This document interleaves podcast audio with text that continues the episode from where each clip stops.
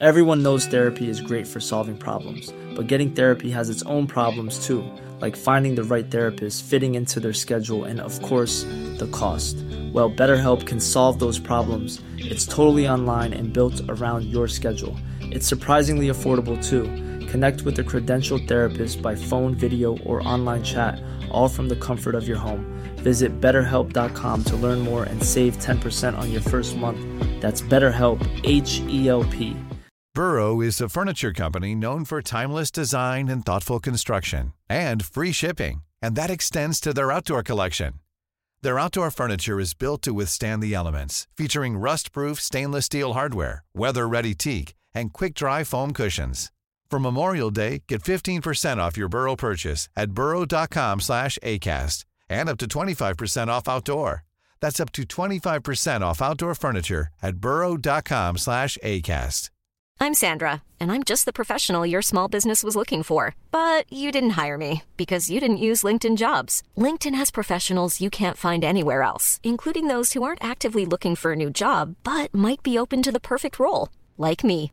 In a given month, over 70% of LinkedIn users don't visit other leading job sites. So if you're not looking on LinkedIn, you'll miss out on great candidates like Sandra. Start hiring professionals like a professional. Post your free job on linkedin.com/people today.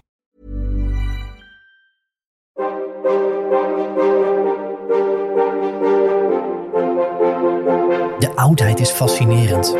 Een enorme puzzel waarvan we stukjes hebben. En heel veel stukjes ook niet. Al op de basisschool trokken de verhalen over het oude Egypte, de Romeinen, Griekse mythen, het oude China en het onderzoek naar al die oude culturen en mensen me als een magneet naar zich toe. En ik wil meer. Graag neem ik, Timo Epping, je in deze podcastserie mee op reis naar het verre verleden. Gesprek met wetenschappers die ons in iedere aflevering een uurtje meenemen in hun eigen onderzoek. Hun eigen zoektocht naar de oudheid. Het is tijd voor de oudheid.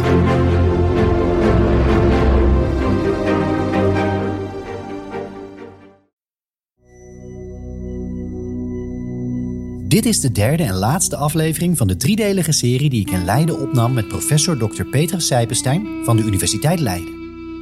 In de eerste aflevering spraken we uitgebreid over de bronnen en in de tweede over de historische gebeurtenissen tot en met de dood van de kalif Ali. De link naar die afleveringen vind je in de show notes. Maar terug naar Leiden nu. Met de moord op Ali vindt er een verschuiving plaats in de macht. Het kalifaat van de Rashidun komt ten einde en in Damascus komt in het jaar 661 onder Muawiyah als kalif een nieuwe dynastie aan de macht. Maar om te beginnen, Petra, waarom de verhuizing van de macht naar Damascus? Waarom naar Damascus? Hij zat daar al, maar ook natuurlijk omdat Medina wel heel ver weg is van waar alles gebeurt. Het Middellandse zeegebied, Levant, is, is eh, in die zin veel belangrijker. Van daaruit kon het, eh, het Rijk veel beter bestuurd worden. En het was ook een veel aangenamere plek om te wonen. Want hoe groot was het Rijk op dat moment? Want we hebben het inderdaad, we verschuiven naar Damascus. Ja, Noord-Afrika. We, hebben dan Noord-Afrika, Iran, Irak. eh, dus Tune wat nu Tunesië is, Libië, Egypte, Syrië, Libanon, Jordanië, dat kerngebied. Anatolië niet zo erg. Er zijn wel aanvallen tijdens deze periode op eh, Constantinopel en, en aanvallen op Anatolië. Maar daar, daar blijven de Arabieren niet eh, overwinteren en ze nemen niet echt controle van dat gebied.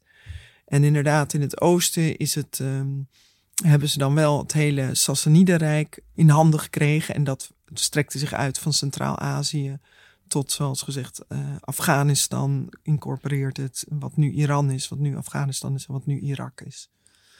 Dus ehm, ja, dat hele gebied. En hoofdstad Damascus. En in eerste instantie daar, daarmee met de verschuiving naar Damascus is, is de invloed van het Byzantijnse, voormalige Byzantijns Rijk, want dat was natuurlijk waar Syrië toe behoord had. Het was een provincie van het Byzantijns Rijk. Wordt die invloed wel sterk. Maar wat belangrijk is, is dat je in bijvoorbeeld ook in culturele uitingen, want dit is onder de dynastie die in, want Muawiyah is eerst alleen maar kalif, maar al snel benoemt hij dan zijn zoon Yazid als opvolger. En dan hebben we eigenlijk het begin van een dynastie. En ik zal straks wel vertellen dat daar wel een reactie op kwam. Maar dan hebben we het begin van een dynastie. En dat zijn de Umayyade-dynastie, noemen we dat. Ehm, want dat is hun familienaam. En onder de Umayyaden worden allerlei grote gebouwen gebouwd, grote moskees gebouwd. De Umayyade moskee in Damascus, um, de Aqsa moskee en de Rotskoepel moskee in Jeruzalem, grote moskee van Medina, de moskee in Kairouan natuurlijk ook en, en elders. En, en daarnaast ook uh, seculiere gebouwen, dus ook allerlei paleizen. De, de zogenaamde woestijnpaleizen in wat nu Israël-Palestina is, in Jordanië, in Syrië hebben we die. Dat is het kerngebied waar die Umayyade uh, heersers uh, leefden en, en, en hun, hun paleizen hadden. En in die paleizen, die dus in de woestijnen ge, uh, gevestigd zijn, daar ontmoeten ze hun lokale Arabische stamhoofden, die ook legeraanvoerders zijn. Maar als je naar die gebouwen kijkt, dan zie je daar een versmelting van Byzantijnse invloeden, Sassanidische invloeden en Arabische invloeden. Dus ook al hebben ze daar, zitten ze daar in het Byzantijnse kerngebied, wat heel belangrijk is, um, zie je ook invloed, hele belangrijke invloeden van de Sassaniden en van de Arabische. En dat kan ik illustreren bijvoorbeeld met de uh, versieringen van de Rotskoepelmoskee. En niet die, uh, wat, wat we vooral kennen, zijn die blauwe tegels en die gouden koepel. Maar die zijn van een veel latere periode, die zijn door de Ottomanen erop geplakt. Maar als je naar binnen gaat, dan zie je daar mozaïek-inscripties. En die zijn gemaakt door Byzantijnse mozaïekwerkers. Gedeeltelijk gestuurd door de Byzantijnse keizer. Uh, die net enorme, of net nou, een tijdje daarvoor, enorme gebieden had verloren aan de moslims. Maar dat laat ook weer zien dat er natuurlijk vooral allerlei contacten bleven bestaan. En uitwisselingen, diplomatieke uitwisselingen, commerciële uitwisselingen en dit soort uitwisselingen. Um, dus mozaïekwerkers die, en dat, als je daar ook naar kijkt, het is twee druppels water met, nou ja, wat je wilt, uh, uh, Ravenna of de Hagia Sophia. De, de patronen die daar gebruikt worden zijn precies hetzelfde. Tegelijkertijd is er een groot verschil. Wat? Er worden geen mensen afgebeeld, geen levende wezens afgebeeld. Want in een religieuze context uh, ga je niet levende wezens afbeelden. En dat is, komt voort natuurlijk uit het gebod, wat wij ook uit het Oude Testament, wat in het Oude Testament staat, dat, dat je geen gelijkenissen aan God mag maken. Dat je geen andere goden naast God uh, mag vereren. Uh, vandaar geen afbeeldingen of, van, van levende wezens. Binnen die moskee is ook een inscriptie in het Arabisch. Ook daar herken je natuurlijk de invloed van het Arabische schiereiland uit. Tegelijkertijd zijn er allemaal planten- en vaasmotieven die we weer herkennen uit Sassanidische contexten. De vorm van het gebouw, een ronde vorm met een koepel, gaat weer terug op Byzantijnse modellen van religieuze gebouwen. Tegelijkertijd is die rotskoepelmoskee gebouwd op de Tempelberg, waar natuurlijk ooit de Joodse tempel gebouwd is, maar, waarom, maar waar ook, zowel volgens de Joodse traditie als volgens de islamitische traditie, Abraham zijn eerstgeborene zoon gevraagd was te offeren door God. Daarom heet het ook rotskoepelmoskee. Er zit een rots onder. En dat zou de plek zijn geweest, volgens de Joodse en christelijke traditie, gaat Abraham daar met Isaac naartoe. En dan vindt hij een ram in de, op het laatste moment, een ram in de struiken. Volgens de islamitische traditie gaat hij daar met zijn eerstgeborene, namelijk Ismaël, naartoe. Maar verder verloopt het op dezelfde manier. God grijpt in op het laatste moment. Maar vandaar dat die dus die moskee staat daarop.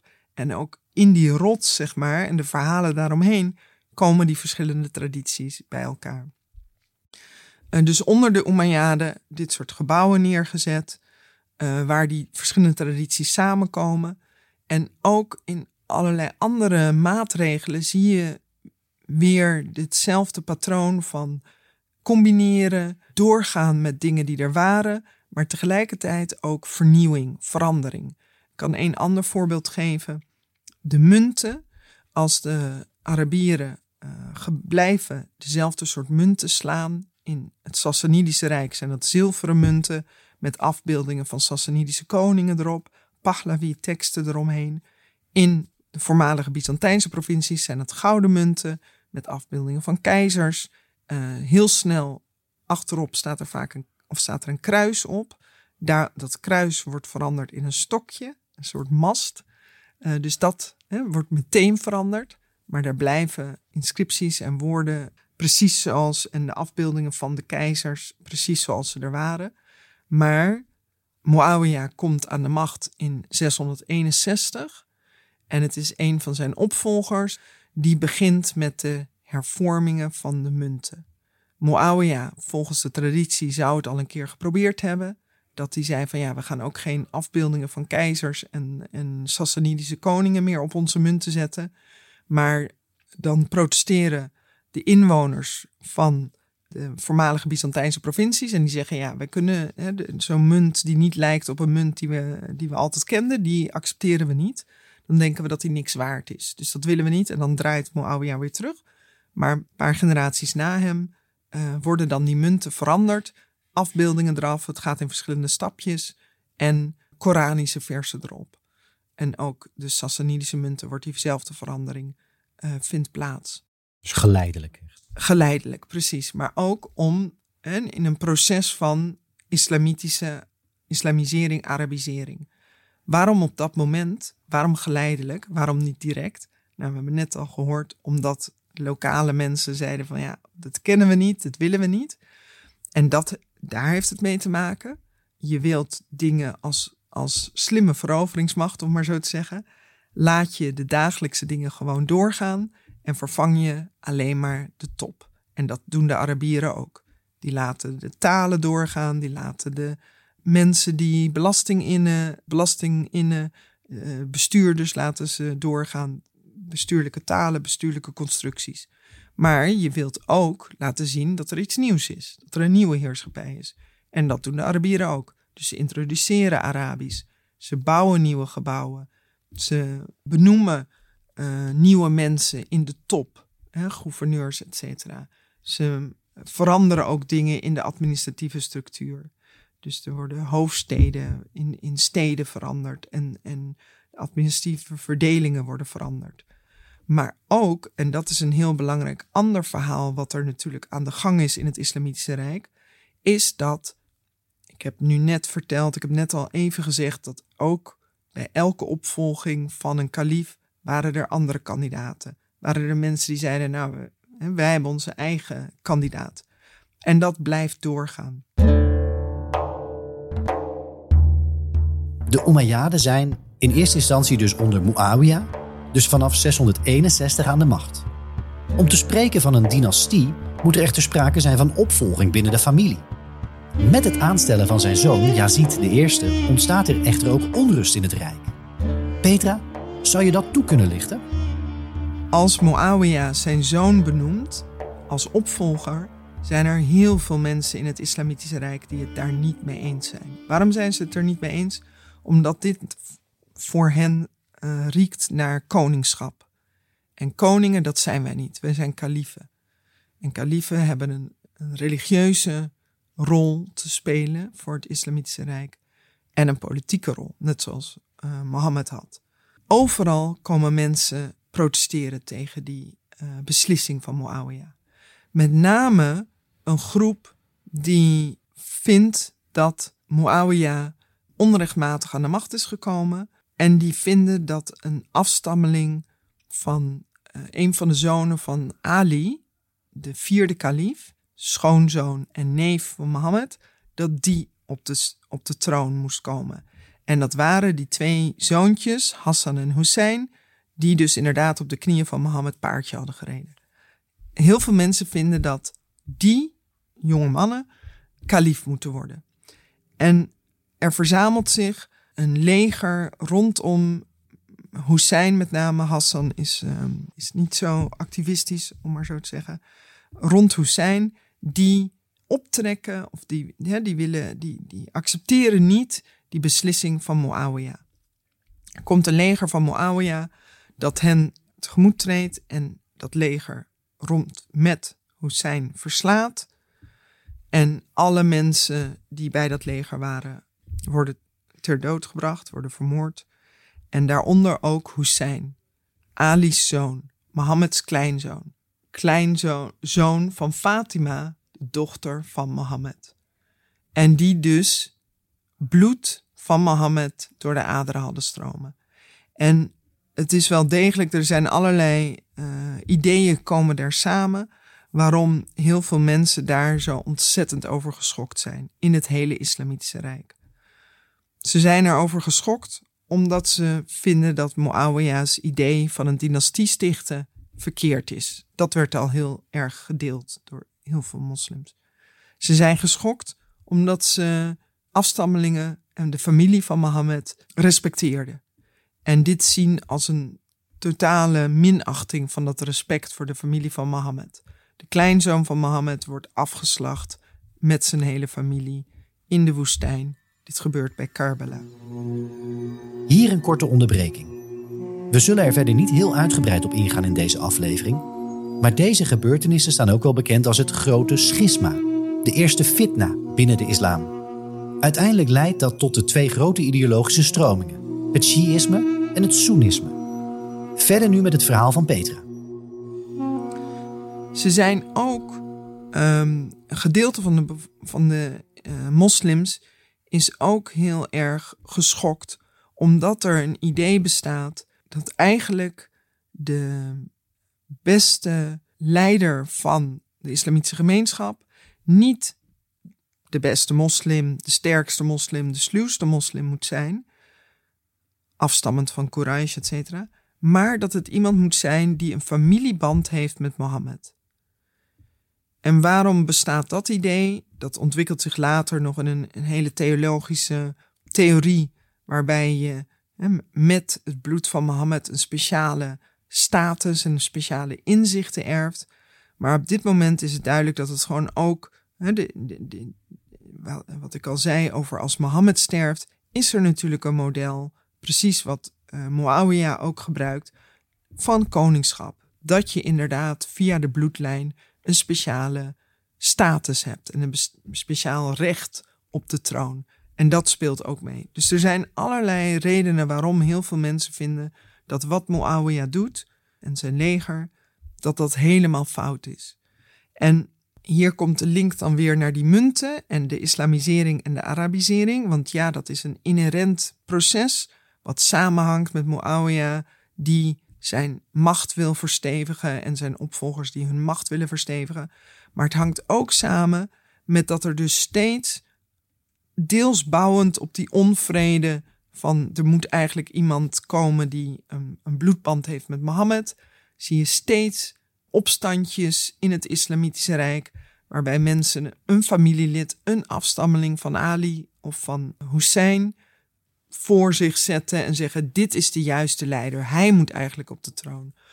Maar ook mensen die überhaupt vinden dat dat hele eh, dynastievorming die de Umayyaden hebben, dat ze binnen één familie heersen, die dat niet ondersteunen. En op een gegeven moment, zeker als er dan, als er niet meer een opvolging is van vader op zoon, maar als het bijvoorbeeld naar de, naar de tweede zoon, dus niet van vader op oudste zoon, maar dat die oudste zoon naar de tweede zoon gaat of die oudste zoon eerder sterft, dan zie je ook dat er mensen opstaan en zeggen van ja, dat hele idee dat het allemaal Umayyaden moeten zijn is onzin.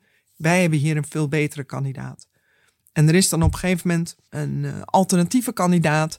En het is hij die eigenlijk ook zegt, die Umayyaden in Damascus, die zijn eigenlijk helemaal niet goede moslims. Want kijk maar, ze gebruiken munten waar nog de afbeeldingen staan van keizers. Of een gegeven moment hebben ze wel een beetje andere afbeeldingen, maar nog steeds afbeeldingen van heersers. Misschien hebben ze wel hun eigen afbeelding erop gezet. Kijk naar mijn munten. En dit zijn de Zubayriden, die, in, nou, die hebben hun hoofdsteden in Mekka en in Irak. En die zijn echt een grote concurrent van de Umayyade-kalief. Het zijn echt twee parallele kaliefen heb je eigenlijk. En die maken die munten, ook omdat die, dat gevecht is niet alleen maar politiek-militair met legers, maar het is ook ideologisch. Wie is de juiste islamitische heerser? En dat uit zich bijvoorbeeld door dus munten te gebruiken met Koranische versen erop, waar die opstandige Zubayrid-kaliefen voor het eerst mee beginnen. En ook dat is als uiteindelijk de uh, Umayyaden, uiteindelijk verslaan ze die kaliefen, die counterkaliefen om maar zo te zeggen. Maar dan gaan ze wel hun munten met Arabische versen Koranversen produceren. Dus je ziet dat er veranderingen plaatsvinden in het Islamitische Rijk. Eerst heb je, in, als dat Islamitische Rijk gevestigd is, versmelting van Sassanidisch, Persische, Byzantijnse en Arabische elementen. En dat blijf je natuurlijk houden. Maar dan komt er ook een ontwikkeling dat er een soort, ja, soort emancipatie, kan je zeggen, onder die heersers. We zijn nu, we zitten nu sterk genoeg in het zadel. We hebben ons goed gevestigd. We, we hebben misschien ook wel dat idee van eindeloze veroveringen. Het einde der tijden komt eraan een beetje losgelaten.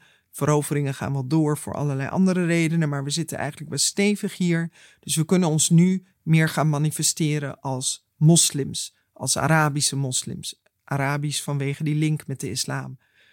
En dan heb je een ontwikkeling, interne politieke ontwikkelingen, theologische ontwikkelingen, dat er blijven altijd groepen opstaan die zeggen: jullie zijn niet de juiste heerser. En ook in antwoord op die claims moet die kalif, die dan uiteindelijk wel de macht heeft, ook anticiperen en daarop ingaan. En ook daar, als gevolg daarvan, zie je veranderingen plaatsvinden.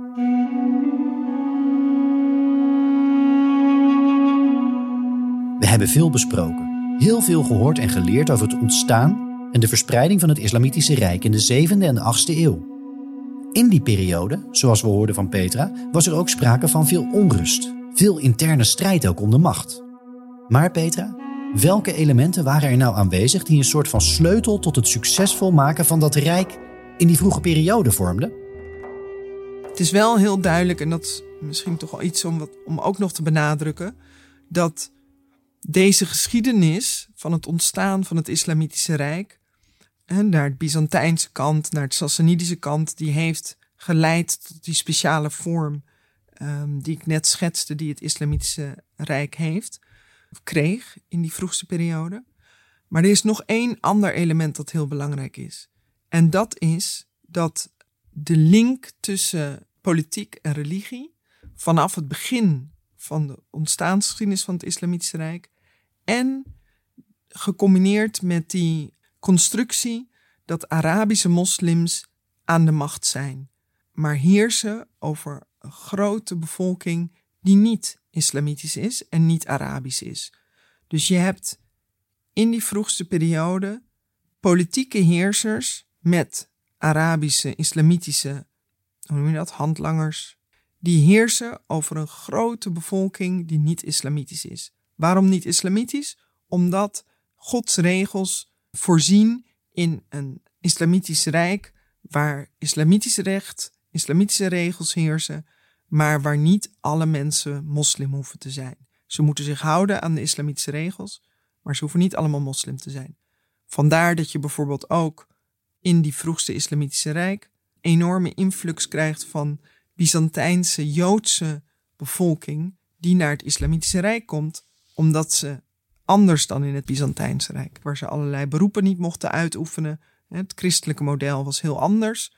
Dat is een model dat alleen, waar alleen zeg maar, de, de christenen aan meedoen in de wereld. En in het islamitische rijk was er een model van de wereld waar Joden en christenen ook een rol speelden. En er waren helemaal geen uh, beperkingen op de beroepen, bijvoorbeeld die Joden moesten, mochten uitoefenen of wat dan ook. Niet-moslims moesten natuurlijk wel een belasting betalen. Moslims hadden een andere belasting die niet-moslims weer niet moesten betalen. Maar niet-moslims moesten een bepaalde belasting betalen in ruil voor die beschermde status die ze hadden in het Islamitische Rijk. Maar we zien dat het kennelijk voor, voor Joden uh, aantrekkelijker was om in het Islamitische Rijk te wonen dan in het Byzantijnse Rijk. Dus die kwamen een enorme influx daar naartoe. Maar die situatie dat we dus een politiek, uh, religieuze kalif hebben, met een, een, minderheid Arabische moslims die over die hele grote bevolking heersen, maakt ook dat er um, een soort inclusiviteit en flexibiliteit ingebouwd komt in het islamitische politieke model. Want um, zoals een, een collega Roy Mutahade het beschreef, is dat als de, de moslims konden het zich niet veroorloven, om maar zo te zeggen, om meteen vanaf het begin een heel strikt, buitengesloten, versie van de religie te hebben, omdat ze, omdat ze onmiddellijk al dat hele grote rijk moesten beheersen en overheersen. En dan zouden ze gewoon direct uiteengespat zijn in allerlei kleine groepjes. Maar doordat de kalif eigenlijk een, en, en daarmee de islamitische samenleving een soort open versie had in die allervroegste periode, was het mogelijk voor heel veel mensen om erbij te blijven. Dat betekent niet, zoals ik net al zei, dat er niet steeds mensen waren die het echt fundamenteel oneens waren en hun eigen kandidaat voor het kalifaat op de troon wilden hebben. En daarvoor ook ten strijde trokken en rebelleerden, et cetera. Maar het betekent dat diezelfde rebellen, nadat ze verslagen waren, niet allemaal vermoord werden, maar weer geïncorporeerd werden. Dat er dus een soort ruimte was voor het uiten van je niet eens zijn uit pragmatische overwegingen, omdat anders was het gewoon niet gelukt. Uh, en dat gecombineerd met een, een, een systeem waarbinnen dus andere religies onderdeel waren van het wereldbeeld, verklaart volgens mij het succes en ook de speciale vorm die dat vroege islamitische rijk had. Namelijk dat er dat onderhandeling en uitwisseling en maken van afspraken waarbij iedereen eigenlijk uh, ook, die, ook die verdragen, bij de veroveringen werd elke keer een verdrag gesloten met een stad met een land. En uh, in die verdragen staat soms ook dat de lokale elites dan zeggen: Oké, we accepteren jullie overheersing, maar wij willen wel onze eigen gouverneur leveren. Dus je ziet op alle terreinen dat er onderhandeling, give and take eigenlijk plaatsvindt. Wat voortkomt uit de noodzaak van, die, van de geschiedenis van dat vroege Islamitische Rijk, maar die er ook toe bijdraagt dat het heel succesvol wordt. Omdat mensen kunnen ook onderhandelen, kunnen hun positie aanpassen, kunnen ruimte zoeken. Die ruimte moet er zijn, uh, zodat de kalifen en de heersers dat hele rijk kunnen beheersen. En opnieuw, dat betekent niet dat die kaliefen daar heel vredelievend op, een, uh, op hun troon zaten en iedereen een warme knuffel gaven. Zeker niet. Ze sloegen er keihard op als iemand hen bedreigde. Maar het betekent wel dat in de grotere, in de grotere geschiedenis, of in de grotere, uh, als je een stapje achteruit doet, dat ja, de, het hoofd van, van een rebellenleger werd vermoord, maar de rest van die rebellen mochten gewoon weer meedoen. Want ze konden het zich niet veroorloven om iedereen kwijt te raken. Want dan zou het exploderen. Op de tijdlijn zijn we nu rond het jaar 700 uitgekomen. In deze driedelige serie neemt Petra ons nu ter afsluiting nog mee naar het einde van de Umayyaden. Waarna rond 750 het Islamitische Rijk een volgende fase in zou gaan. Ja, en die Umayyade-dynastie, we hebben nu een beetje het verhaal verteld tot het begin van de 8e eeuw. Maar die Umayyade-dynastie die bleef tot 750 aan de macht in Damascus.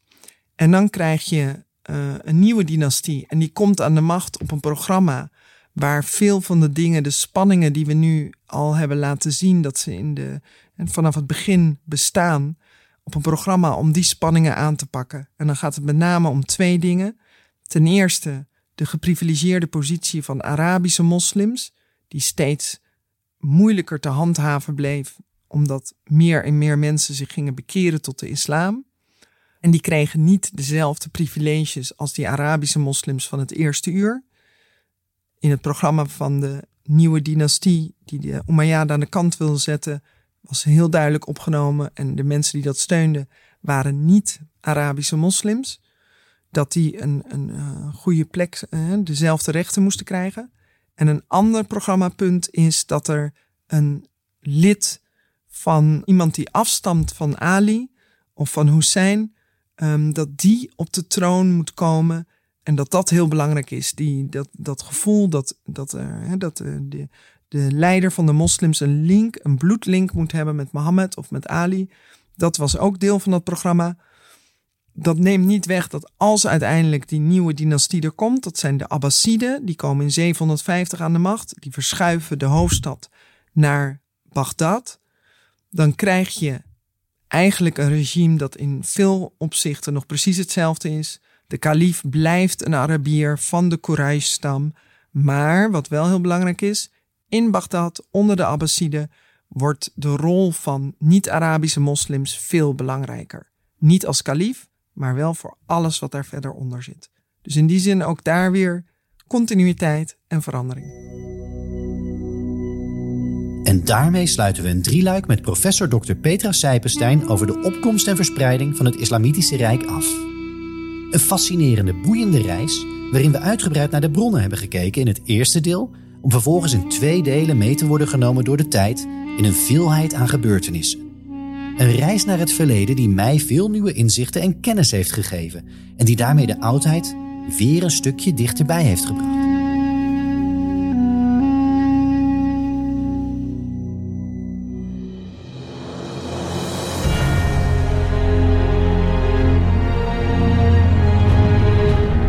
Dank je voor het luisteren naar De Oudheid, de podcast over het verre verleden. En wil je meer oudheid? Vergeet dan niet om de podcast te volgen daar waar jij podcast luistert. Iedere nieuwe aflevering verschijnt dan automatisch in je feed. Likes en reviews worden uiteraard gewaardeerd en vergeet vooral ook niet om de podcast met iedereen die jouw interesse deelt te delen. Heb je ideeën of suggesties voor de podcast? Mail dan naar info@eppingproductions.nl.